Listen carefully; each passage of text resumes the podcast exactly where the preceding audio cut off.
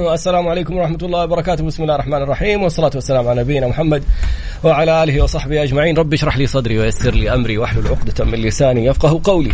اللهم اجعلنا من الذين هدوا إلى الطيب من القول وهدوا إلى صراط الحميد. اللهم علمنا ما ينفعنا وانفعنا بما علمتنا وزدنا. يا رب علما عسى أن يهديني ربي لأقرب من هذا رشدا. على الله توكلنا. ربنا آتنا الحكمة وفصل الخطاب. ربنا آتنا رحمة من عندك وعلمنا من لدنك علما. إنا إن شاء الله لمهتدون. الحلقة خلينا نقول الموسم نهاية الموسم الحالي في حلقة ما قبل الاختبارات آه، الحلقة الأخيرة. ونلقاكم هو نلقاكم في إيه، الموسم إيه القادم إن شاء الله. فسبحانك اللهم وبحمدك أشهد أن لا إيه، مع المستشار القانوني والمحكم الدولي المحامي خالد أبو راشد. واليوم الحلقة مفتوحة لجميع الأسئلة القانونية. الإرث وتجاريه عمالية شخصية أحوال شخصية عقارية كل ما يتعلق بحقوقك اسأل وإن شاء الله رئيس لجنة المحامين بمنطقة مكة المكرمة والمستشار القانوني المحكم الدولي المحامي خالد أبو راشد يجيب على الأسئلة. على الرقم أرسلنا رسالة على الواتساب مكتوبة على الواتساب لا تسجلي رسالة صوتية. 054 ثمانية ثمانية واحد واحد سبعة صفر صفر. صفر خمسة أربعة ثمانية وثمانين أحد عشر سبعمية. يقول زواج مثلا زواج مثلا ليه لا؟ أهلا وسهلا دكتور محمود. تفضل سيدي. طيب يلا. بسم الله الرحمن الرحيم. الحمد لله رب العالمين والصلاة والسلام على نبينا محمد وعلى آله وصحبه أجمعين. أهلا وسهلا بك يا طراد وبكل اللي بيتابعونا مستمعين ميكس إف إم واللي بيتابعوا مختلف وسائل التواصل. هذه الحلقة إن شاء الله تعالى الحلقة الختامية. لهذا الموسم وباعتبار إنه إن شاء الله تعالى خلاص بعد كذا الاختبارات والله يوفق كل أبنائنا وبناتنا الطلاب يا رب. وبعدين إجازة الصيف ونبغاكم تستمتعوا بالصيف وبالإجازة. مو معقول نطلع لنا مطراد وقوانين وسجن ويعني الناس بتركز في اختبارات خلي الناس تستانس وتنبسط إن شاء الله. واذا عاد الله أحيانا يعني نلقاكم في الموسم رقم 12 بالنسبة للبرنامج. إن شاء الله حيكون مع بداية الموسم القادم بأمر الله تعالى. وبيكون شوف, شوف جمال البدايات. أيوة تفضل. الأسبوع يبدأ يوم الخميس بطلتكم. يا والله هنا والله والله يعني ذوق ذوق على أعلى مستوى. هذا الكلام الطيب. حبيبي. عشان كذا إحنا حابين الحلقة اليوم تكون خفيفة ظريفة باعتبارها إنها ما نقول وداعية لكن نقول ختامية لهذا الموسم بإذن الله تعالى. وباعتبار إننا نلقاكم دائما يا رب على خير. بالنسبة للأسئلة زي ما تفضل طراد اللي قضايا الأحوال الشخصية معلوماتية تحرش تجاري عمالي يعني كل ما يتعلق بالقوانين والأنظمة نسعد تماما باستقبال القضايا أو الاستشارات القانونية بالأصح.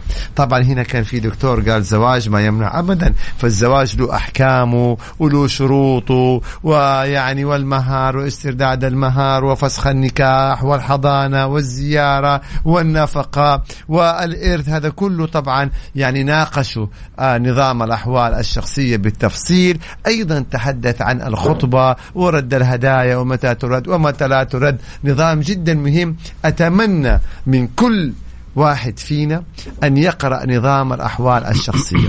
أولا الحصول عليه جدا سهل. تدخل على النت أونلاين تكتب نظام الأحوال الشخصية أطلع لك النظام. هذا رقم واحد. اثنين لأنه أي واحد فينا حيحتاجه.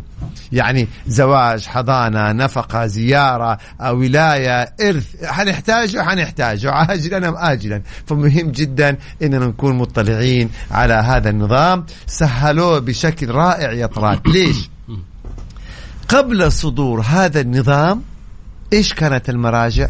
نرجع لل خلينا نقول الكتب الفقهية اللي كانت المحاكم العامة أو المحاكم الحواليه الشخصية بتستند عليها، يعني نرجع لمثلا شرح منتهى الإيرادات وللمغني ولروض المستقنع ويعني كتب حقيقة فقهية. وكان أول حاجة قد يكون صعب الحصول عليها. وإن حصلت عليها صعب قراءتها للبعض. طبعا نتحدث وطبعا لأنه بالأسلوب القديم والتفصيل التفصيل وأيضا قد يكون فيها شيء من الاختلافات.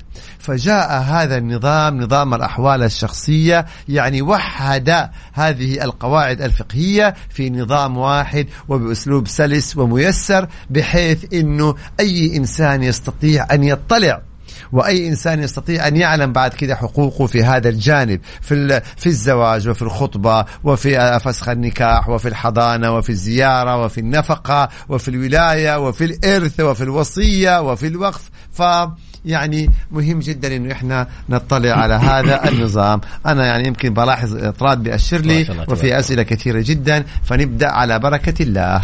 أول سؤال طبعا قبل ما نبدأ يعني مجهود يقول تستاهل يا إطراد الثناء اللي جاك. قال اطراد المهم. يا لا لا بدون نقاش بدون أعطيني اسمه اللي قال الكلام هذا. ماجد. هنا في عنده رقم هويته وجواله أول سؤال تقول تشاركت مع أخي في إقامة عمارة سكنية شراكة 40 60 طيب قمنا بتأجيرها تحت إدارته جميل. أنا سافرت خارج المملكة لعدة سنوات جميل. رجعت أطالبه بنصيبي رفض جميل. وأخفى عني جميع العقود غير والدخل. جميل.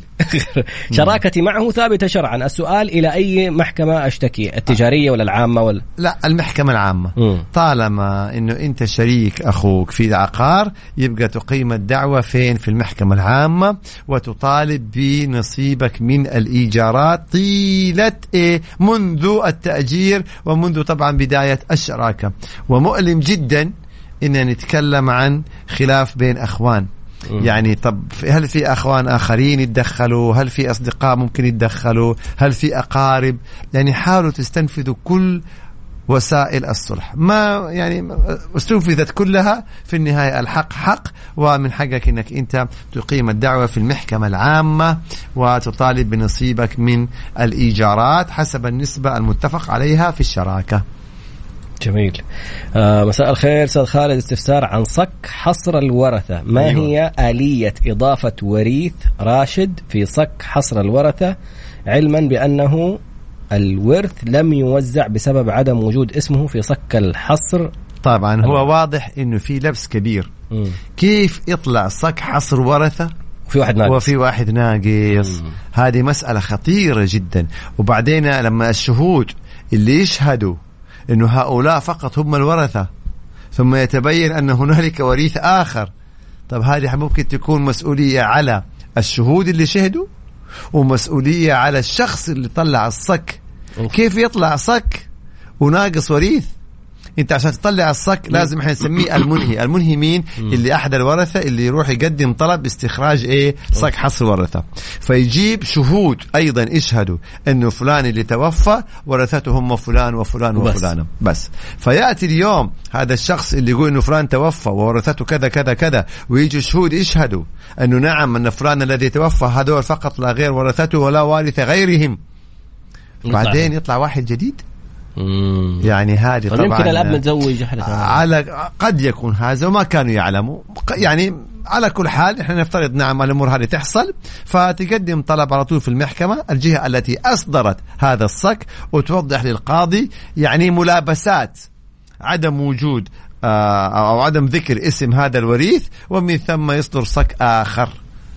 أين نرفع قضايا عزل ومحاسبة النظار وأيهما أرفع اولا العزل ولا المحاسبة؟ في محكمة الأحوال الشخصية وإحنا تعتمد على الأسباب يعني إذا الآن أنت عندك أسباب ترى أنه هي يعني كافية لعزل فتقيم الدعوة العزل وتقدم الأسباب وإذا عندك ما وأما دعوة المحاسبة فأكيد من حقك أنك أنت ترفع دعوة محاسبة الناظر في, في محكمة الأحوال الشخصية إذا ما كان عندك أسباب للعزل. فتبدأ أول مرة بالمحاسبة. فإذا ثبت قصور هذا الناظر وفعلا يعني صدرت أحكام ب- أو حكم بالزامه بكذا وكذا وكذا وكذا قد يكون هذا سببا لدعوى العزل. يعني مم. عندك أسباب للعزل تقدر ترفع دعوى العزل على طول ودعوى المحاسبة دعوى مستقلة ترفعها. ما عندك أسباب لدعوى العزل أبدأ بالمحاسبة. إذا نجحت وتبين فعلا إنه هو يعني كان مقصر أو مخالف ممكن ديك الساعة تأخذ الحكم ويكون كسبب من أسباب العزل. أقول ممكن وفي النهاية القرار النهائي للقضاء. ليه؟ يعني أنا وأنا لو صاحب ال ال ال ال الوقف ما أبغى أنت م- مستفيد من الوقف أيوه. آه مو عاجبني الناظر ما أبغى ما ما أمشي. لا طبعا عجيب. لا طبعا. ولا ما كان يستحيل ناظر يبقى يوم واحد. أنت تعرف يا طلال في أوقاف مم. يمكن المستفيدين منها بال- بالمئات. أوه. فلن يجمعوا. فمتى يعزل الناظر؟ أو شيء متى يعين الناظر حسب شروط إيه؟ الواقف. هل الواقف عمل آلية معينة لتعيين الناظر؟ الذي أصدر صاحب الملك الذي أصدر صك الوقف. م. تمام؟ أيوة. وبالتالي لا يمكن عزل الناظر إلا إذا كان في أسباب. م. هل مثلا خالف قصر مش عارف إيه توفى؟ لا توفى خلاص. م. أو مثلا يعني انتهت فترة كان بمدة معينة ولا كان لو كل واحد قال ما أبغى الناظر كان كل يوم يجيك مستفيد من الوقف ويقول أشيلوا الناظر. فلذلك بتكون دعوة قضائية. هذا سؤال جدا حساس ومهم. يشتغل في شركة. جاله عرض من شركة ثانية براتب أعلى. جميل. لما راح اشتغل معاهم أيوه. ما اعطوا له نفس العرض اللي, اللي اتفقوا معاه عليه. وبعد مناقشات اعطوا له الراتب اللي هم اتفقوا معاه عليه في البداية. ما كمل ثلاثة شهور قالوا شكرا استغنينا عن خدماتك فترة التجربة ما نبغاك. يا سلام يا طراد. هذه يعني إحنا ناقشناها كثير جدا ونكررها. يا أخوان لما تكون على وظيفة ويجيك عرض آخر اشترط اشترط على الجهة الجديدة أن لا تكون هنالك فترة تجربة. من حق الموظف كده. من حقك. يا أخي أنا هذا أنا هذا شروطي. تبغوا أهلا وسهلا. ما تبغوا أنا مكمل على وظيفتي. بس. أيوة لا حتى لا يقع الحركة اللي حصلت الآن في السؤال واللي بنقولها دائما يا طراد. تترك عملك. وتروح العمل الجديد. براتب أعلى. بالضبط. ويجي خلال ثلاثة شهور يقول لك والله هذه فترة تجربة. شكرا مع السلامة. حتى بدون أي أسباب ما بدون عجبت. أسباب بدون أسباب. من حقه. أيوه لذلك البعض يقول يا أخي أنا في عرض وظيفة تبغاني أتشرط عليهم؟ أنا كلامي واضح. إن كانت لديك وظيفة فنعم أتشرط عليهم حتى لا تخسر الاثنين. أما إذا ما كان عندك وظيفة أصلا لا حتتشرط على إيه؟ أقبل حتى بفترة التجربة لأن أساسا ما عندك وظيفة يعني وبالتالي خلاص الحمد لله رب العالمين. لكن عندك وظيفة وتتركها إلى وظيفة أخرى وخلال ثلاثة شهور يقول لك شكرا مع السلامة. فلا نابك الوظيفة الجديدة ولا استمريت على وظيفتك اللي كنت عليها. انتبهوا من هذه الجزئية جدا مهمة وحساسة زي ما أشار أخونا وحبيبنا. وأهم شيء أنك تعرف أنه من حقك هذه النقطة تقول لهم ال ال الاستغناء عن فترة التجربة. ما في شيء اسمه فترة تجربة ثلاثة شهور من أول شهر ولا شهرين تقول لي مع السلامة. مم. طيب آه نحن ورثة من أسرتين وتم بيع عقار للوالد رحمه الله رحمة الله عليه وبعد البيع طلب مكتب أستاذ والإسناد والتصفية يحتاج وكالات ولا أملك هذه الوكالات والأسرتين متفرقتين ما هو الحل يا أستاذ خالد؟ طبعا آه سميك مكتب يعني الآن هذه دعوة تصفية تركه ممكن تكون عقارية لأنها إسناد فيها، طيب هذه الدعوة معناها انه أحد الورثة رفع قضية على الورثة الآخرين، حكم القضاء بتصفية التركة العقارية وأحيلت إلى محكمة التنفيذ، محكمة التنفيذ احالتها إلى إسناد للبيع بالمزاد. ف يعني أنت بتقول تبغى وكالات، لا مم. مو شرط، يعني أنت ممكن إذا كنت أنت وريث أنت يكفيك لوحدك إنك تمثل نفسك وتقول أنا أبغى العقار يتباع وآخذ نصيبي. والله باقي الورثة المتفقين معاك وكلوك يبقى ممتاز تتحدث باسمك وباسمهم. ما وكلوك أنت لوحدك. تكمل وتطالب ويباع العقار ونصيبك يودع في حسابك وبقية الورثة لما يراجعوا حياخذوا مبالغهم. فيعني ما هو محتاج توكل لا لا يتعطل حق الورثة عشان واحد. لا واحد الآن يعني إيه ينهي هذا الأمر. إن وكلوك أهلا وسهلا. ما وكلوك أنت تتابع إن كنت وريثا. أما إذا كنت وكيل يعني ما أنت وريث لا طبعا لازم وك... على الأقل وكالة من أحد الورثة. وإذا يعني أنا هذا اللي فهمته من السؤال إذا في توضيح طبعا آخر أهلا وسهلا. سؤال جميل. بيرجع يقول بس لو تلخصوا لنا النقطة حقت الوظيفة مرة ثانية. إنه كيف لو لخص يا طراد لخص أنت الآن خلاص يعني. أنت على رأس العمل راتبك 10000 جاك عرض وظيفي من شركة ثانية قال لك حنعطيك 15000 انت من حقك انك تشترط عليهم انه يلغوا فترة التجربة. ليش فترة التجربة؟ في عقد العمل. لما يعرضوا لك عقد عمل تقول لهم لا تحطوا لي فترة تجربه أي لأنه هذه موجودة في كل العقود حقت العمل. يقول في فترة تجربه ثلاثة شهور انت من حقك تترك العمل. هم من حقهم يعني ينهوا عقدك في ثلاثة شهور بدون أي مساءلة. يعني انت ممكن تقول لهم ما عجبني الشغل مع السلامة. هم يقولوا لك ما عجبنا شغلك مع السلامة. هذه موجودة في كل العقود. انت اذا تبى تخرج من وظيفتك اللي موجود فيها ومستمر فيها عشان عرض اكبر قل لهم شيلوا هذا البند حق فترة التجربة. لأنك لو رحت وسبت شغلك اللي انت آمن فيه ولك راتبك 10000 وأمورك ماشية تمام ولك كم سنة رحت على الوظيفة الجديدة براتب 15000 أول شهر أو شهرين أو ثلاثة شهور خلال التسعين يوم لو قالوا لك مع السلامة هيا أرجع مرة ثانية دور وظيفة. أنت صرت الآن عاطل عن العمل وخرجت في فترة تجربة ما لك أي حق إنك تطالب بأي نهاية خدمات ولا تطالب بأي شيء منهم. انتهى ما ما عجبتنا مع السلامة. إذا هم يبغوك وعرضوا عليك راتب أعلى قول لهم شيلوا هذا البند. أنا أعتبر موظف ثابت من اليوم الأول اللي أداوم فيه. انتهى عقدي في الشركة واستلمت مستحقاتي ولكن بقي شهادة الخبرة. كل يوم يقولوا بكرة إيش العمل؟ شكوى في المحكمة العمالية أوه. أي على طول كده. من الحقوق إذا العامل ما حصل عليها يتقدم بشكوى إلى المحكمة العمالية ويحكم له بحقوقه إن كانت له هذه الحقوق فعليا وهذه طبعا حق من حقوقه فيطالب فيها في المحكمة العمالية إذا ما تجاوبت الشركة أو المؤسسة يعني مع العامل لذلك إحنا نقول بعض البعض يقول يا أخي هذه شركة كبيرة هذه شركة يعني أصحابها ناس يعني واصلين أو الكلام هذا هذا الكلام كله لا قيمة له أمام القضاء. القضاء ما في شيء اسمه والله هذه شركة كبيرة ولا شركة صغيرة. القضاء يحكم بالحقوق. العامل له حق سوف يحكم له بهذا الحق. والله لو كانت الشركة مين؟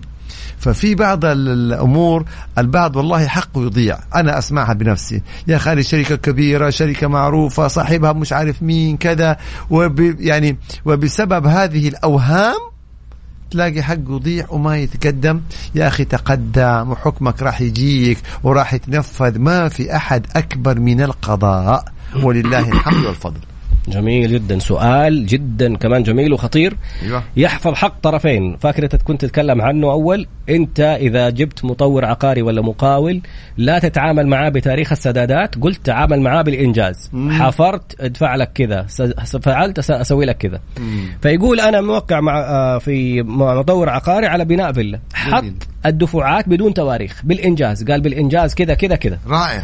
المفترض موعد التسليم ديسمبر 2024 نهاية هذه السنة. طيب. الرجل خلص قبل 2024 الآن يقول لك تسددني كامل المبلغ بناء على العقد ولا حبيع الفيلا ومن المبلغ اللي أستلمه أسددك أرجع لك دفعاتك اللي انت سددتها هنا أحسنت. هنا حنرجع للعقد. مم. هل الدفعات بتواريخ لا. ولا بإنجاز؟ إنجاز مكتوب. إذا كانت الدفعات بإنجاز والرجل أنجز. اذا أستحق. حتى لو كان مفترض موعد التسليم آه، في وقت آخر. طبعا. طبعا لأنه إحنا إحنا قلنا الدفعات بالإنجاز. صح. إيش يعني بالإنجاز؟ مم. يعني مثلا لو جاء قال آه، زي ما تفضل الحفرية مبلغ. عملنا الدور الأول مبلغ. أنا- عملنا الدور الثاني مبلغ. عملنا الخزانات والأسطح مبلغ. شطبنا الفله وسلمناك المفتاح. قبل الموعد. مثلا بغض النظر. مم. المبلغ الأخير حقنا. فإذا الرجل أنجز زي ما تفضلت وسلمك الفله كاملة. اذا الرجل استحق ال- المبلغ حقه. طالما إنه في العقد ال- المقاولات يعني بالإنجاز.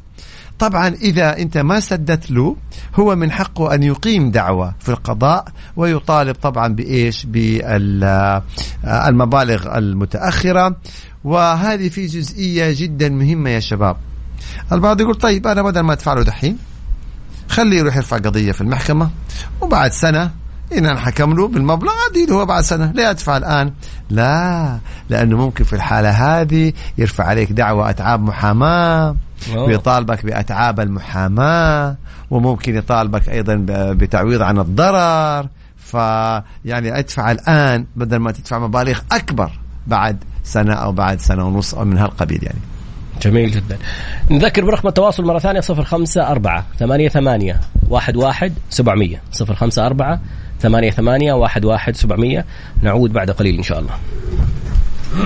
يلا ننتظر أسئلتكم كتابة على الواتس ونجاوب عليها بعد الفاصل الإعلاني بإذن الله تعالى. الله يلا خلصت إعلانات. طيب نعود إليكم مجددا بإذن الله تعالى. وطراد بس عبال ما يظبط ال- المدري هذه حقته. ويفتح ال هذا اي مرة شريك في عقار مسجل باسم صديق ولدي. وما يثبت الشراكة؟ ما يثبت الشراكة؟ هل أرفع إثبات شراكة وأطالب ببيع العقار؟ طيب هنا عندنا جزئية مهمة. الدعوة اسمها تكون دعوة إيه؟ دعوة في ملكية عقار. الدعوة دعوة في ملكية عقار. وبالتالي لما ترفع القضية تطالب فيها بثبوت شراكتك. فإذا حكم لك بثبوت الشراكة وقتها تطالب بإيش؟ ببيع العقار، يبقى أول شيء لابد إنك أنت تثبت الشراكة وبعدين تطالب ببيع العقار. آه يقول لك تم تحويل مبلغ بطريقة خطأ لحساب بنكي. كيف أقدر أسترد؟ طبعا أول شيء على طول تتواصل مع البنك وتوضح له إن أنت قمت بتحويل المبلغ بطريقة خاطئة. البنك يتواصل مع صاحب الحساب الذي أودع إليه المبلغ. اتحول عليه المبلغ وأتوقع إن شاء الله يعني إنه يكون في له الأمانة فيعيد المبلغ إليك. لا قدر طيب الله رفض. رفض. ترفع دعوة عليه في المحكمة العامة وتطالب بإلزامه بإعادة المبلغ. صاحب السؤال وعندك إثبات. صاحب السؤال يقول الصلاة على النبي ما شاء الله كل مالكم تكبر وتحلو. الله يجزاه خير. يمكن يعني يعني هو يقصدني بس يعني ما حب أحرجك فقام أضافك معايا. لا أنا على كل أنا حال يعني هذا تقدير الله يجزاه أنا ما أكبر أنا أنا كذا دائما سبحان الله. إيه، يا إله إلا الله. يرد عليك. طيب. إيه. طيب لما يصدر حكم من المحكمة العمالية بدفع الرواتب ما هو الإجراء المترتب عليه بعد إصدار الحكم؟ تأخذ الحكم وتروح على طول على محكمة التنفيذ. ومحكمة التنفيذ على طول حإيش؟ حيجبروا الشركة بدفع الرواتب وإذا ما دفعت الشركة ممكن هم يوقفوا خدماتها ويوقفوا مثلا يعني الكثير اتخاذ الإجراءات العديدة مع هذه الشركة وضد مدير الشركة يعني وإذا ما دفعت ممكن تقام دعوة تصفية الشركة. أوف. إذا لزم الأمر. تنفيذ يعني تنفيذ. جميل. استأجرت موقع في فعالية وتم دفع المبلغ ولكن تم تأجيل الفعالية لأجل غير مسمى والشركة رافضة ترجع المبالغ الإيجار أنا مالي دخل. هنا سؤال جدا مهم. أنا اليوم مالك موقع معين. وجيت أنت قلت لي والله أنا أبغى أستأجر الموقع مثلا لمدة أسبوع أو لمدة شهر. إذا أنا كمالك أجرتك الموقع لمدة أسبوع أو لمدة شهر. انتهى الموضوع. أنا أنا مالك. أجرتك موقع. والله الفعاليات عطلت. أنت ما قدرت تطلع تراخيص حصلت لك ظروف. أنا كمالك مالي أي علاقة. مالك أنا مستأجر قصدك. لا المالك أتكلم. هو أستأجر موقع عشان يعمل فعالية في الموقع. لا لا لا. أنا أنا الآن مستأجر موقع من شركة حق تنظيم فعاليات. أنت شركة تنظيم آه مش يعني مش من المالك. لا لا.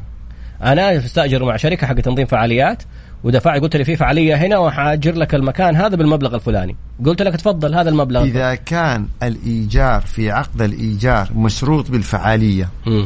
وتم إلغاء الفعالية من قبل الطرف الآخر أو تأجيلها لا طبعا ملزمين إن هم يعيدوا المبلغ. يعني هنا نفرق م. نفرق بين إذا أنا استأجرت أرض عشان أنا أعمل عليها فعالية. وبعدين أنا ما قدرت ما طلعت تراخيص اتاجلت أي سبب ما مالك الأرض أنا ما يحق لي أقول له رجع فلوسي. الرجال أجلك أرض ما له علاقة هو. أنت سويت فعاليتك ما سويت فعاليتك هذا شأن يخصك. لذلك ننتبه تماما لما إحنا نستأجر مواقع عشان فعاليات هذه قضايا عندنا يا اطراد وبعدين ما تحصل على التراخيص يتأخروا مثلا اللي هم المعنيين بالفعالية مش عارف إيه فلوسك راحت. وما يحق لك إنك أنت الطالب. هذا, هذا الموضوع. هذا الشركة حق تنظيم الفعاليات إذا استأجرت أرض. لا إيه الآن إذا شخص تعاقد مع هذه الشركة حق تنظيم فعاليات. على اعتبار انه هي حتعمل فعالية في الموعد المعين. م. وبناء على هذه الفعالية هو دخل مثلا في موقع معين م. ثم اتلغت هذه الفعالية يبقى يفترض أنه يطالب الشركة بإيه؟ بإعادة المبلغ إذا كان شرط الإيجار مبني على الفعالية فإحنا لابد نطلع على العقد يعني م. أنا اليوم لما استأجرت من الشركة م. هل مكتوب في عقد الإيجار إنه حيث أن الشركة سوف تقيم فعالية في اليوم الفلاني, الفلاني وبناء عليه أنا حأستأجر الموقع الفلاني حلو. إذا كان مكتوب هذا يبقى أنت من حقك إنك أنت تطالب بإعادة المبلغ لأنه أنت استاجرته بناء على الفعالية. أما إذا ما كان مكتوب بناء على الفعالية يبقى هنا لازم تدخل في جزئية إثباتات وما إثباتات لأنه ممكن تجي الشركة وتقول أنا ما لي علاقة أنا أجرتك موقع وأخذت الإيجار. مم. فهنا ندخل هل هذا الإيجار مبني على الفعالية؟ عليك أن تثبت إنه هذا الإيجار مبني على الفعالية. يعني جميل. إنه بسبب الفعالية. والشركة ملزمة ترجع للمستأجرين. إذا ثبت ذلك. طيب. آه الموضوع حق الإرث اللي قلت عليه إنه الواحد ممكن يروح لوحده. يقول مكتب التصفيه ألزمني بإحضار الوكالات أو إحضار خطاب من القاضي من محكمة التنفيذ بإلغاء شرط الوكالة لأني أنا الآن أصدرت باسمي حصر الورثة. إيش الحل؟ ماني عارف. السؤال ما هو واضح. السؤال ما هو واضح القاضي خطاب من القاضي كيف خطاب مكتب؟ التصفية الآن القاضي يحيل القضية إلى المكتب البي ببيع العقارات مم. فإذا في مسألة خاصة في الموضوع هذا أنا ما- ماني مطلع عليها الحقيقة مو واضح يعني مكتب التصفية يقول له لازم تجيب أنت إحضار الوكالات أو إحضار خطاب من القاضي أحضر وكالات ليه إذا أنا بإلغاء وريث. إذا أنا وريث. يبقى أنا طالب في حد ذاتي بتصفية أنا طبعا ممكن يكونوا باقي الورثة خصومي أجيب وكالات من خصومي ما هي واضحة. لا لأنه هو اللي أصدر حصر الورث. ما تفاصيل. خلاص روح للقاضي التنفيذ وأطلب منه إلغاء شرط الوكالة زي ما هو طلب. استأجرت سيارة باسمي لشخص قبل ثلاثة سنوات. صار عليها مخالفات. كيف الزمه بدفعها؟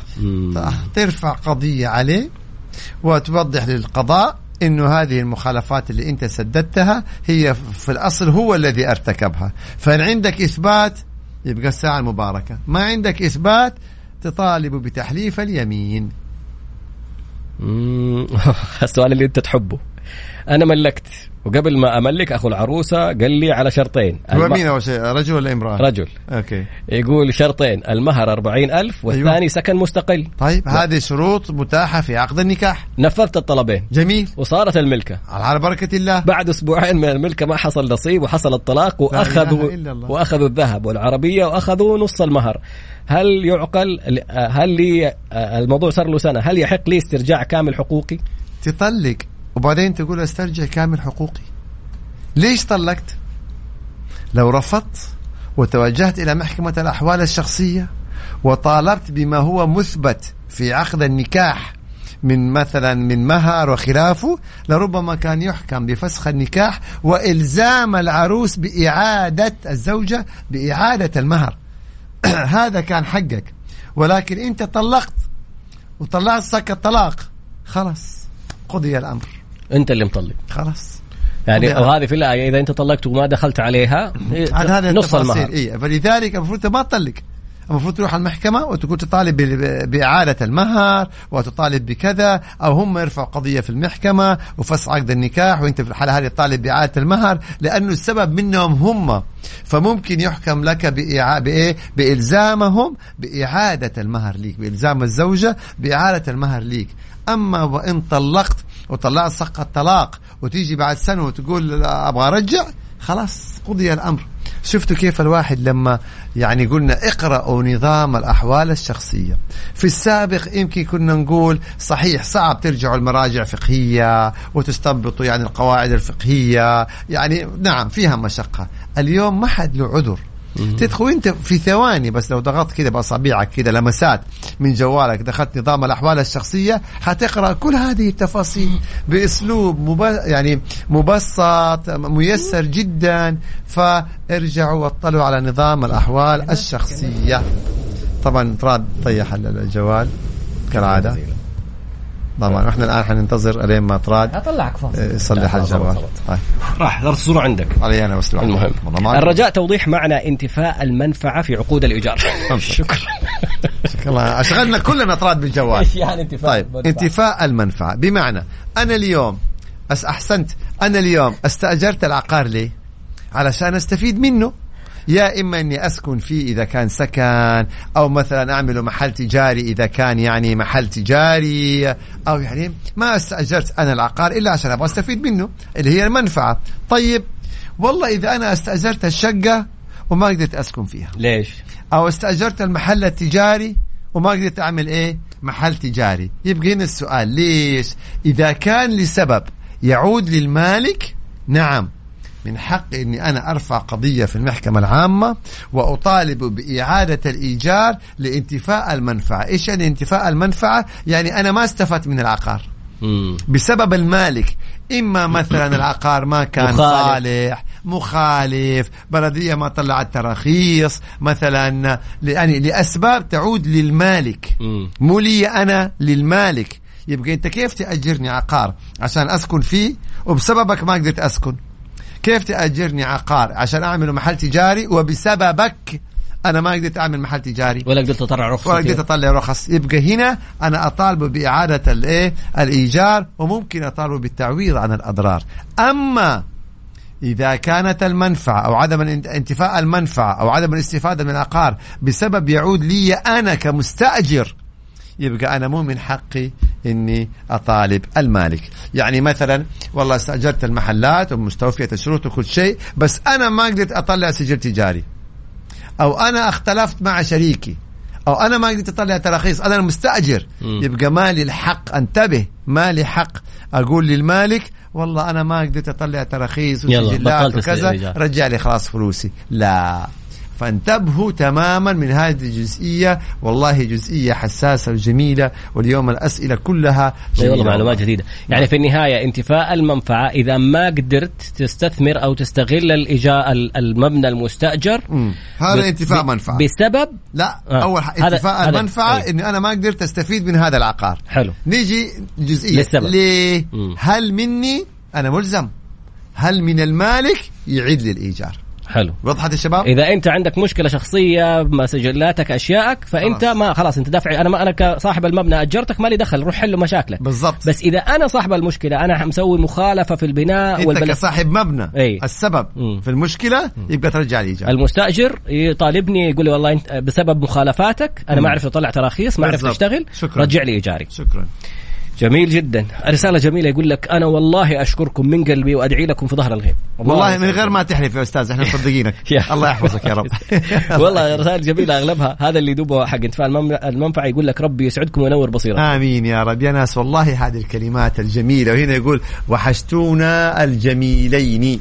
يعني لو اكتفيت بي أنا لكن الله يجزاكم خير. والله أنا فين جات الرسالة؟ هذا في عيني عندي أحس. كمان عندي وتبغى تقول بس. والله هذه الكلمات إنها يعني تهون على الإنسان عناء اليوم كله عناء التعب كله جد. وبتديني حافز يا طراد يعني حافز أقوى وأقوى. الله يحفظكم ويسعدكم جميعا. جميل التفاؤل. دائما تفاءلوا بالخير تجدوه. والله جميل التفاؤل دائما بجمالكم. إذا تطلبوا رقم التواصل مرة ثانية نذكرهم. في 054 88 11 700 054 88 11 700 وضح إيش يعني تواصل. يعني أسئلتكم على الواتساب. على الواتساب. أرسلوا الأسئلة على الواتساب. في أعمل بشركة لي 12 سنة وشهرين ولا زلت على رأس العمل من سنتين. تغيرت مفاصل الشركة وصاروا يعاملونا بطريقة مختلفة وصعبة. كيف الحل؟ طيب ما في حاجة اسمها طريقة مختلفة وصعبة؟ سؤال جميل. هل القرارات التي تصدر من مديرك مطابقة للنظام وبموجب أخذ عملك؟ يبقى من حقهم وهذا نظاما. القرارات التي تصدر مخالفة للنظام أنتم عندكم ثلاثة أشياء. نظام العمل اللائحة العمالية المعتمدة عقد عملك. نعيد في ما يتعلق بالمنظومة العمالية أو العمل الخاص عندك نظام العمل واللائحة العمالية المعتمدة وعقد العمل. هذه الثلاثة ال- الأسس اللي إحنا نمشي عليها. القرار الذي يصدر من مديرك. هل هو مخالف لنظام العمل. هل هو مخالف للائحة؟ هل هو مخالف لعقد عملك؟ من حقك إنك ترفض. وإذا أصر ترفع دعوة في المحكمة العمالية بإلغاء هذا القرار. أما إذا كان القرار مطابق للنظام وللائحة ولعقد العمل ولا يخالف يبقى من حق صاحب العمل. لذلك إحنا لما نقول والله يعاملونا بطريقة صعبة بطريقة غير لائقة الكلام هذا عام. ما ما يعني إيه لا يؤخذ به. هل خالفوا مواد من النظام ولا من اللائحة ولا من العقد أم لا؟ هذا هو الفيصل. أهلا بال- مهمة جدا بالمصطلحات. أهلا بالدكتورة السيدة. حياك الله. أهلا وسهلا. اللي كيف يعني دكتورة سيدة؟ سيدة عطاس. هذول آه أهلين. ما شاء الله تبارك الله نعم. ما في شك والنعم بهم ألف. أنا أشوف نعمل مباراة كورة. فريق المستشار طراد ضد المحامي خالد أبو راشد. أسأل الله العظيم أن يمن عليكم بالقبول والصحة. غير متكافئة. ولا تحرجوا طراد. يعني لا, تحرجوا. مباراة غير متكافئة. ترى على فكرة يعني والله لا يغركم لها زائم شديدة والله. لا لا يغركم أبو محمد كذا يعني نحيف كذا. ترى مايسترو في الكورة والله. الله تبارك أيوة، طراد. الله يعني الله. يعني شهادة حق. الله والله لمسات كذا بس على الواقف. اصحك تقرب يدف ما ما أعرف لك إلا طلال. دفاع عن النفس آه، أعملوا فين؟ سؤال الاستاذ خالد مو عادل. أنا مين عادل دحين؟ إيه. بالنسبة للشركات الريادية هل ممكن عمل حلقة كاملة عن هذا الموضوع؟ المهم تشمل التأسيس والجولات الاستثمارية والموضوع كبير. والله ك- فعلا الموضوع مرة مهم. أعطونا محاور أعطونا محاور أكثر وليش لا؟ ليش لا؟ ابدا. يقول النظام ذكر يا أستاذ إذا كان الظاهر إنه صاحب يا ريت تعيد السؤال يا ريت تعيد السؤال. النظام تطرق لنقطة مثل هذه. يا ريت يا أستاذ ت- تعيد لنا ال- التعقيب. النظام تطرق لنا تعيد التعقيب كذا ونطلع عليه بسرعة ونقرأ بأمر الله تعالى. بالعكس جميل جدا إن إحنا نناقش هذه التفاصيل. مم. طيب هنا في سؤال. آه صاحب مغسلة يقول جاء موظف إجادة طلب جهاز معين. أنا ما كنت أعرف إنه هذا الجهاز مطلوب. هل يحق لي إنه أنا أعترض على المخالفة؟ لأنه جاء على طول اعطى له غرامة. طب أنا ما أعرف إنه أصلا هذا الجهاز مطلوب. طب هنا يا شباب أيوه هذا سؤال مهم جدا. جدا. ما في شيء اسمه ما اعرف ما في شيء اسمه ما اعرف أنت اليوم لما تعمل نشاط تجاري وبتأخذ الترخيص من مثلا الجهة المختصة سواء كان أمانة سواء كان كذا في شروط. لازم تستوفيها تعرفها اليوم أنا عشان أعطيك ترخيص مخبز مم. أو أعطيك ترخيص مغسلة أو أعطيك ترخيص مطعم يبقى لازم يكون عندك واحد اثنين ثلاثة أربعة خمسة ستة هذه أنظمة عامة مم. أما كون أجي والله أنا ما كنت أدري كان ممكن أي واحد أنا ما أقصدك أنت أخي السائل ممكن أي واحد في المملكة مم. يعني يقصر أو يعمل مخالفات ولما يجي له البلدية يقول لك والله ما كنت أدري فما طيب. في يعني عدم المعرفة. لا تعفي من العقوبة. طب أبو محمد عشان كمان نكون منصفين في ناحية ثانية. أيوة. يعني أنت تجيني كمندوب حق إجادة تطلب مني حاجة وتقول لي ما هي موجودة تعطيني غرامة.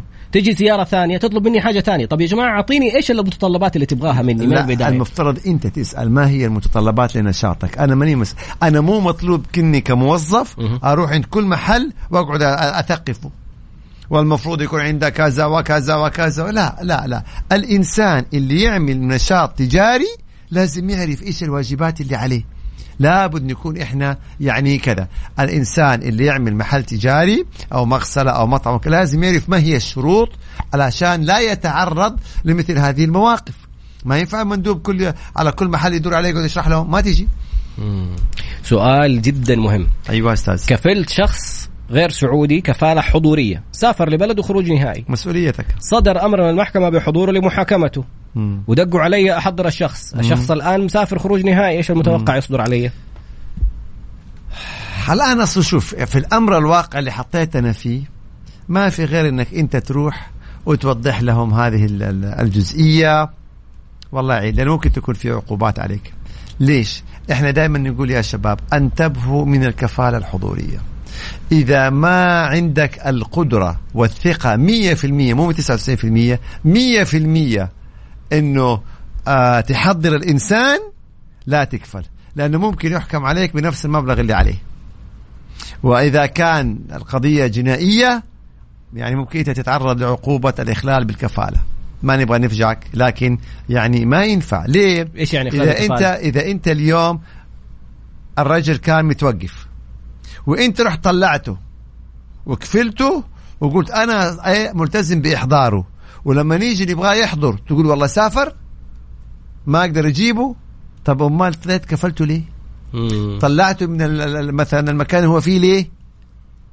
ففي هذه الحالة إذا كان يعني الموضوع حقوق آه، مالية ممكن أنت ت- يعني أوف. تغرم فيها إذا كان هو قد مم. يعني أو تلاقي سبب في الضرر أو إنه ممكن يصدر عليك عقوبة أخرى واو. إلا إذا يعني حيعود في النهاية التقدير للقضاء. لذلك إحنا الآن ما نبغى نتكلم بموضوع شخصي إيش ممكن يكون معك؟ ممكن مم. كذا وكذا وكذا ممكن يعفى لكن نتكلم بصفة عامة. لا تكفلوا إلا إذا أنت ضامن 100% بإحضاره. لأن هذه جزئية مهمة. ولا كان كل واحد كيف الإنسان؟ مم. ووقت ما طلبته الجهه الرسميه يقول والله ما قدرت أجيبه. ما صار كفالة. وطالب شخص بمبلغ ما- مالي من سنتين. حولناها على ناجز حولونا على تراضي أعطوا له مهلة شهر يسدد وما التزم. قدمت لمحكمة التنفيذ أوقفوا خدماته جميل. ومنعوه من السفر. جميل. لكن إلى الآن ما سددني المبلغ هو عايش حياته بشكل طبيعي وأنا متضرر. طيب إيش الحل؟ هل تعلم إنه يفت... تتابع محكمه التنفيذ؟ وتشوف إذا عنده عقارات. قاضي التنفيذ يحق له أن يبيع عقارات هذا الشخص إلى أن يسدد المبلغ. إذا عنده سيولة في البنك قاضي التنفيذ يحق له الدخول ومطالبة وسحب المبلغ وسداده ليك. أما إذا ما كان عنده أي سيولة في البنك ولا كان عنده أي عقارات فالله المستعان. هذه إجراءات التنفيذ من إيقاف ومن آه، منع سفر يعني هذه إجراءات التنفيذ. إذا تبين ليك انه والله له مبالغ بتجيه ولكن هو يعني يتحايل ويدخلها في حسابات أخرى أو بطريقة التحايل وهو ما يسمى التحايل على التنفيذ. وضح أيضا هذا لقاضي التنفيذ فتصدر عقوبات على خصمك كنت أعمل في شركة للأسف لم يتم عقد عمل ما أدوا له عقد عمل. أو نقل خدمات. شوف إذا كان دفع من يمثله دفع العامل بتصرفاته بعملته الايه المخ... طيب. هنا الآن أشار إلى أحد مواد نظام العمل عزيز بيقول إذا كان صاحب العمل دفع العامل إلى إيه؟ إلى مثلا ارتكاب مخالفات. كيف يعني؟ يعني حسب ما هو مكتوب في يعني. العقد يعني إيه. هنا طبعا هذه حاجة لازم إحنا نثبت انه صاحب العمل دفع العامل أو أجبر العامل أو خلى العامل يضطر يبقى نرجع نقول إنه هل يحق لصاحب العمل انه هو يدفع العامل إلى ارتكاب مخالفات؟ هل هذا إجراء صحيح؟ بل هو إجراء مخالف وإجراء غير نظامي يعني زي أنا ما قلت من البداية فإذا أثبت العامل انه هو ارتكب مخالفة بسبب صاحب العمل هو اللي اجبره وهو اللي دفعه صاحب العمل حيكون إجراءه خاطئ فلذلك زي ما رجعت وجاوبت في البداية لابد يكون قرارات صاحب العمل مطابقة للنظام اللائحة عقد العمل. دكتور. أما إذا كانت قرارات مخالفة أو فعلا أجبر العامل أو دفع العامل أنه يرتكب مخالفات يبقى صاحب العمل مدان لأنه خالف نظام العمل. دكتورة أقترحت اقتراح جميل. يقول ليش ما يصير في مادة يعني تدرس في المدارس والجامعات بالتوعية الحقوقية؟ يعني حقيقة أبو محمد لنا من كم جالسين نقول متى ممكن يصير هذا الأمر واقع؟ مم.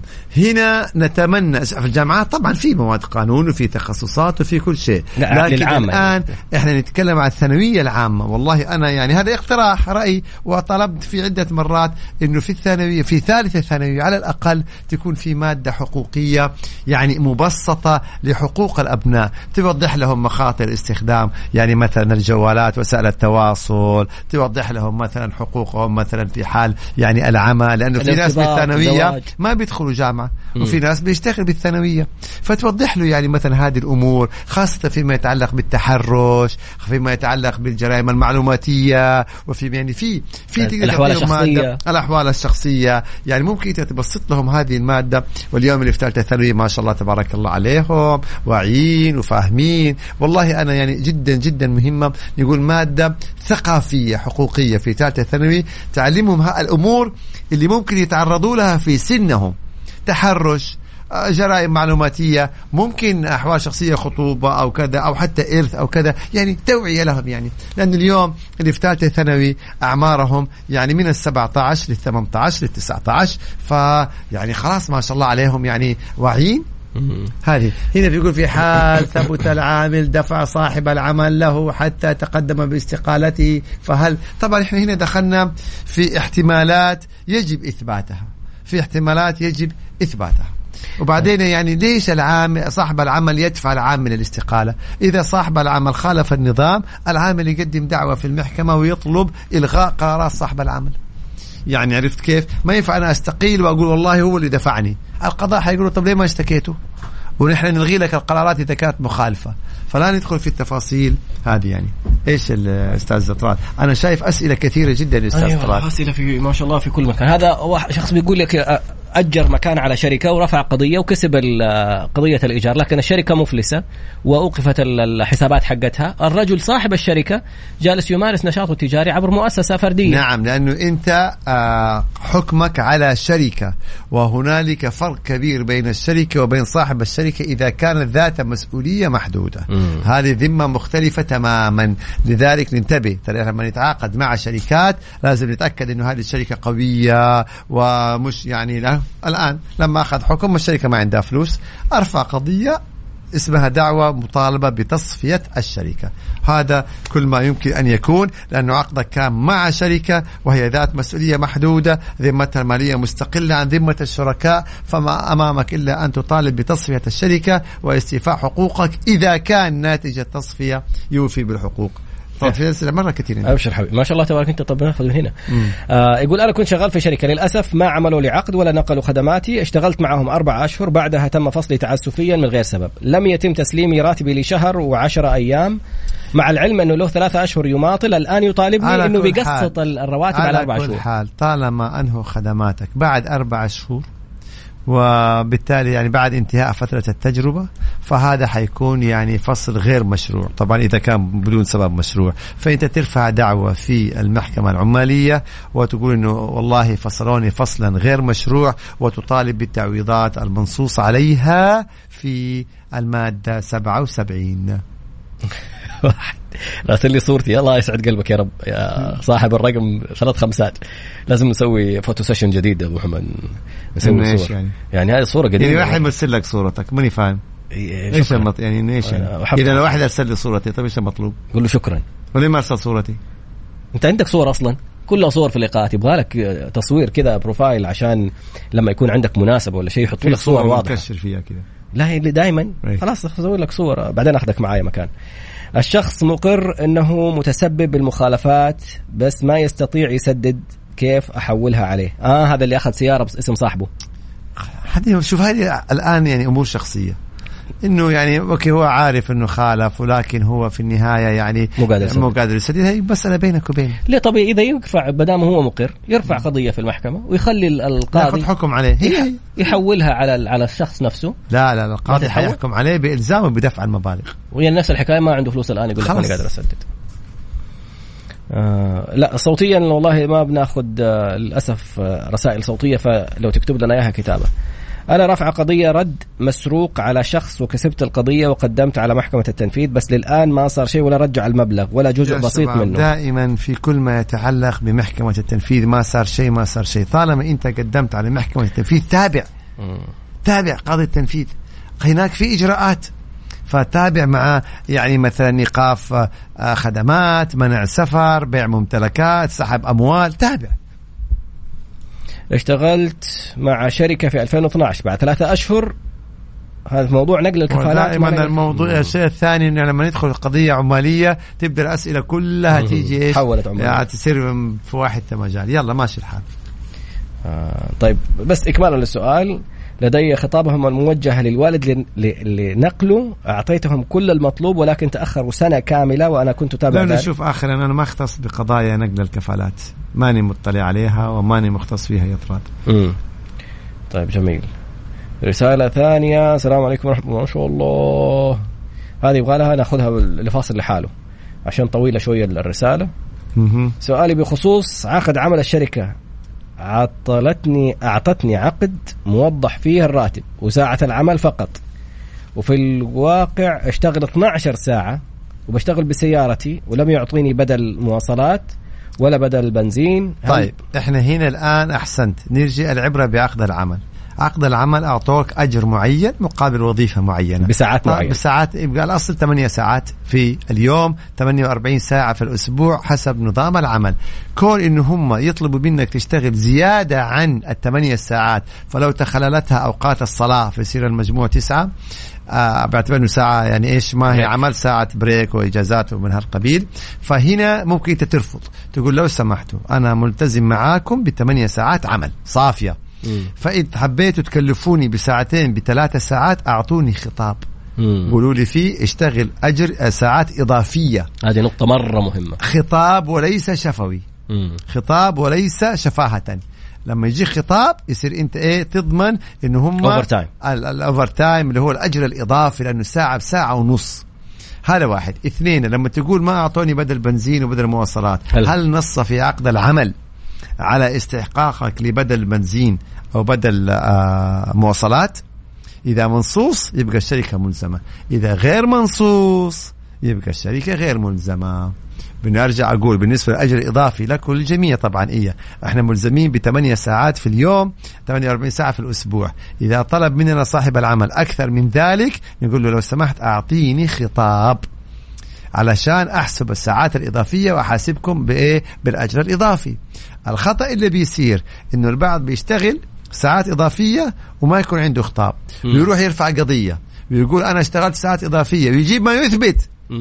آه، مثلا من بطاقة الدخول والخروج ساعات الدوام الدوام. البصمة هذا كله. أيوة. العبرة ليس بإثباتك أنك اشتغلت ساعات إضافية. العبرة بتكليفك مم. بالساعات الإضافية. أنا كصاحب عمل أقول أنا ما طلبت منك. أنت اللي جالس. بس. يبقى كيف تلزمني؟ لابد يكون عندك خطاب تكليف. طب الآن أو ما يعني إيه يمثله أو إيميل رسمي بطلب بالضبط. إنك تشتغل ساعات إضافية. طب يقول لك الآن لو أنا بقول لهم أدوني overtime ولا أدوني أجرة إضافية يقول لي حمشيك من الشغل وعن خلاص إحنا إحنا نديك. حقوقك. إيوه إحنا نديك حقوق. إيش لك وإيش اللي عليك؟ هذيك الساعة انت تقرر وتوزن وتعرف الأمور وتعرف فين مصلحتك. جميل. توفي زوجي وهو آخذ منزل من أحد البنوك كقرض عقاري. بعد الوفاة لم ي... هو بالأصح آخذ قرض من أحد البنوك. okay هي اللي كاتبة كده okay. طيب لم يتم اعفاؤه ونقل المنزل للورثه بحجة انه البنك. يقول القرض أخذ قبل شهر 5 2018 ولم آه، تتم أخذه بعد هذا التاريخ. لو كان بعد هذا التاريخ كان تم الإعفاء حسب ردهم مع العلم انه الفرق شهر بين الإعفاء وعدمه. إيش الحل وكيف؟ ما أعرف. نرجع للعقد. مم. يعني ما نعرف ليش شهر خمسة ده يعني. ومع ذلك حنرجع للعقد القرض اللي بين زوجك الله يرحمه وبين البنك.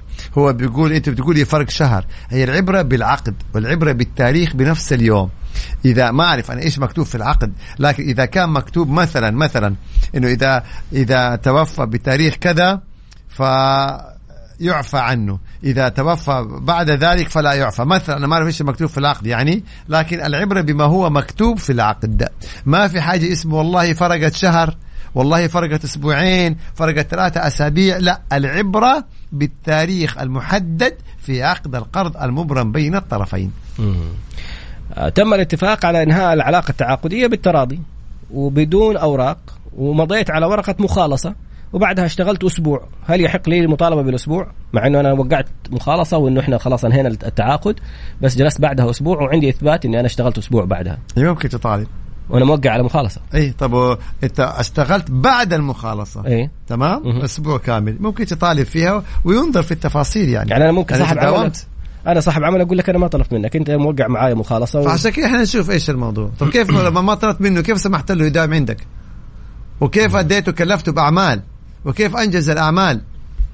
الله طيب. يكرمكم يا رب. إن شاء الله الإخوان في جوالي بيثنوا علي وهذا من كرمهم وطيب أصلهم والله. حبيبي نعم. من ثبت عليه الرشوة وتم تصويره وضبطه في حين استلامها وهو يعمل في دائرة حكومية إيش. عقوبته؟ أرجو الرد للأهمية وشكرا لكم يا جميلين. طيب بارك الله فيك. سمعت؟ طبعا إذا ثبت كيف إحنا نقول تثبت الرشوة؟ بالحكم القضائي. الرشوة تثبت بحكم من القضاء. طبعا في نظام الرشوة مكافأة الرشوة وفي آه، طبعا القضاء عنده آه، خلينا نقول مدة معينة ممكن سنة سنتين ثلاثة سنوات خمسة سنوات مصادرة مبلغ الرشوة كذا. فإذا ثبتت جريمة الرشوة طبعا آه حتكون بحكم قضائي والقضاء حيحكم بالعقوبات المنصوص عليها في النظام. بسنة سنتين ثلاثة خمسة عشر على حسب طبعا الإيش؟ عقوبة على حسب ما يقدر القضاء وفقا للحد الأعلى والحد الأدنى للعقوبات. والأهم أبو محمد ال- الموضوع حق الإثبات مين اللي بيصور يعني هل الموضوع تم ب- بتنسيق مع المباحث الإدارية هم اللي صوروا وسجلوا الحكومية؟ أو قد يكون مثلا أيضا ثابت بكاميرات آه، اللي. في الشركة أو مم. كاميرات المراقبة اللي في الدائرة الحكومية وقد يكون بشهادة شهود وزي ما تفضل قد يكون بتنسيق مسبق. يعني هذه الأمور طبعا وسائل إثبات ينظر فيها كلها القضاء وتكون الكلمة الأخيرة للقضاء دائما وأبدا. هل يحق للوكيل الشرعي للعائلة توكيل أحد أفراد الأسرة؟ نعم إذا كانت الوكالة تحق له توكيل الغير أحيانا في وكالات بتوكل شخص وما يحق له توكيل الغير يبقى خلاص فقط لا غير. أما إذا كان له حق توكيل الغير في الوكالة يبقى نعم يحق له أن يوكل الغير. في حدود الصلاحيات الممنوحة له في الوكالة. جميل. شركة توقفت خدماتها من قبل عامل ورفضت تدفع آه، علما بأنه صدر عليها 47 ولم تسدد رواتب مستحقات الموظف. فين يروحوا تنفيذ؟ تنفيذ والتنفيذ سوف يلزم الشركة ويوقف خدماتها. وإذا ما نفذت العامل يرفع دعوة. شوف عامل من حقه يرفع دعوة بتصفية الشركة كلها. هو أصلا عامل وقف الحسابات حقت الشركة. جميل. الآن يرفع واو. دعوة في الم... ممكن في المحكمة التجاريه بتصفية الشركة. إذا التنفيذ استوفى كامل إيش؟ ال- السبل يعني. سؤال في نفس السائل يقول أستاذ خالد هو أنت تشجع الاتحاد صح؟ طبعا يعني والنعم بنادي الاتحاد ألف مبروك للعميد. نادي الاتحاد أكيد كل الاحترام والتقدير لكل أنديتنا ولكل الجماهير عرض عرض شخص علي مواقع التواصل استثمار مبلغ معين ومقابله أرباح معينة وعند تحويل المبلغ لحسابه البنكي. عمل عمل حظر. حظر هذا الكلام. وعدم هذا. الاستجابة للرسائل. يا شباب إلى متى؟ إلى متى؟ إلى متى؟ ما في شيء اسمه استثمار مبالغ وأرباح كبيرة. يعني أرجوكم كفاية هذه الأمور. على كل حال اللي حصل حصل وعمل له كده الحظر والبلوك. أنت كيف سلمت المبلغ؟ سل أكيد يعني حولت على حساب صح؟ قدم شكوى على طول على صاحب الحساب اللي أنت حولت عليه المبلغ في قسم الشرطة آه احتيال الله ونصب احتيال ونصب على طول.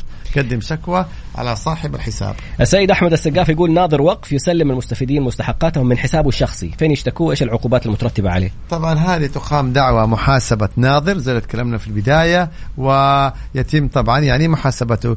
ليه هو- المفروض ما لأنه يستلم؟ المفترض إنه يكون في حساب للوقف والمبالغ تصدر من حساب الوقف وليس من مم. حسابه الشخصي. ليه؟ إذا توفى. اوه يصير ماله. اموال مال ال- المتوفى تعود للورثة. آه، آه، هيا كيف؟ أولاد الناظر. هذه والله ماله مش مال. مال الوقف وليس مال ورثة. اثنين قد يكون في اختلاط. مم. حساب فيه فلوسه وفلوس الوقف. هذا كيف. نعرف فلوس الوقف وكيف نعرف فلوسه؟ فهذا خطأ جسيم. يفترض. يكون في حساب مستقل للوقف. عذرا على من لم نستطع قراءة رسالتهم شكرا على جميع ال- الرسائل والمشاركات الجميلة والثناء الجميل اليوم. آه، والله ما شاء الله مرت كذا يعني سريعة. تستحقون الثناء يعني لا. لا جديد عليكم يعني. كل خميس الحلقة جميل. الختامية لنا بأمر الله تعالى في هذا الموسم. ونلتقي في الموسم بعد الإجازة بأمر الله تعالى. خلي الناس تستانس يا سلطان. هم. يستأنسون. أزعل يا أبو فقراتك محمد يعني راح نشتاق لكم. الآن إجازة وفقرات جميلة واستأنسوا. وبعد الإجازة إن شاء الله يكون لنا والله فراكم ما حد يسد يا أبو محمد. الله والله العظيم. سلطان. الله يبارك انت والمستشار طراد يا طبعا. حبيبي الله يسعدك. يعطيكم العافية. شكرا على خير. السلام عليكم. الله. يعافيكم يا رب. في أمان الله Mix FM. Mix FM. Saudi's number one hit music station.